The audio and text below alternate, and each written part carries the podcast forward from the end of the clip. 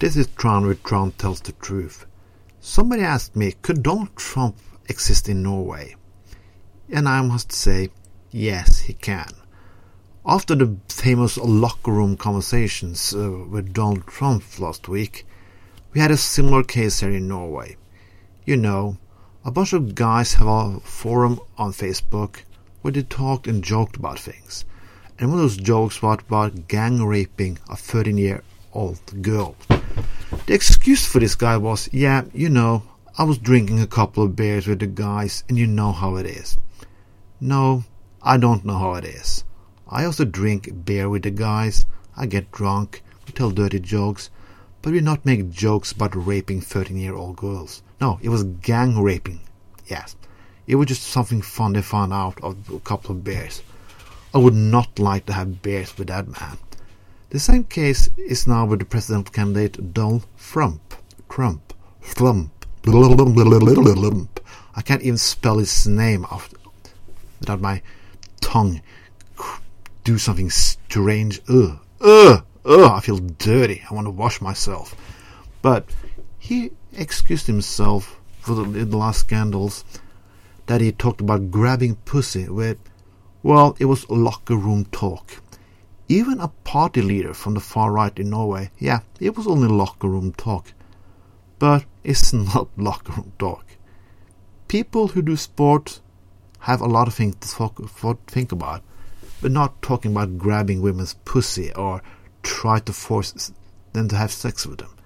They don't. They have a lot of other things to do. And just, I, just feel offended as a man, as a, a human being in general. Is that what Donald Trump thinks about his voters? Because, yes, Donald Trump, for people who not come from spoiled families, people who are of low income and do other things, uh, sit in locker rooms and do sport, we don't talk about grabbing people's pussy. That is something you do, and perverts like you do. No, psychos like you fucking do. But all this bullshit talk makes me want to believe how can people still support him? Wouldn't that be the, and the end of his career? And somebody thinks it is. The last polls show that Hillary is in lead, but I'm not surprised of anything anymore. We had a case in 1995 election in Norway when a party leader was visiting a racist meeting. Everybody thought, well, that's the end of that party and they went from 5% to 16% and did their real breakthrough in Norwegian politics.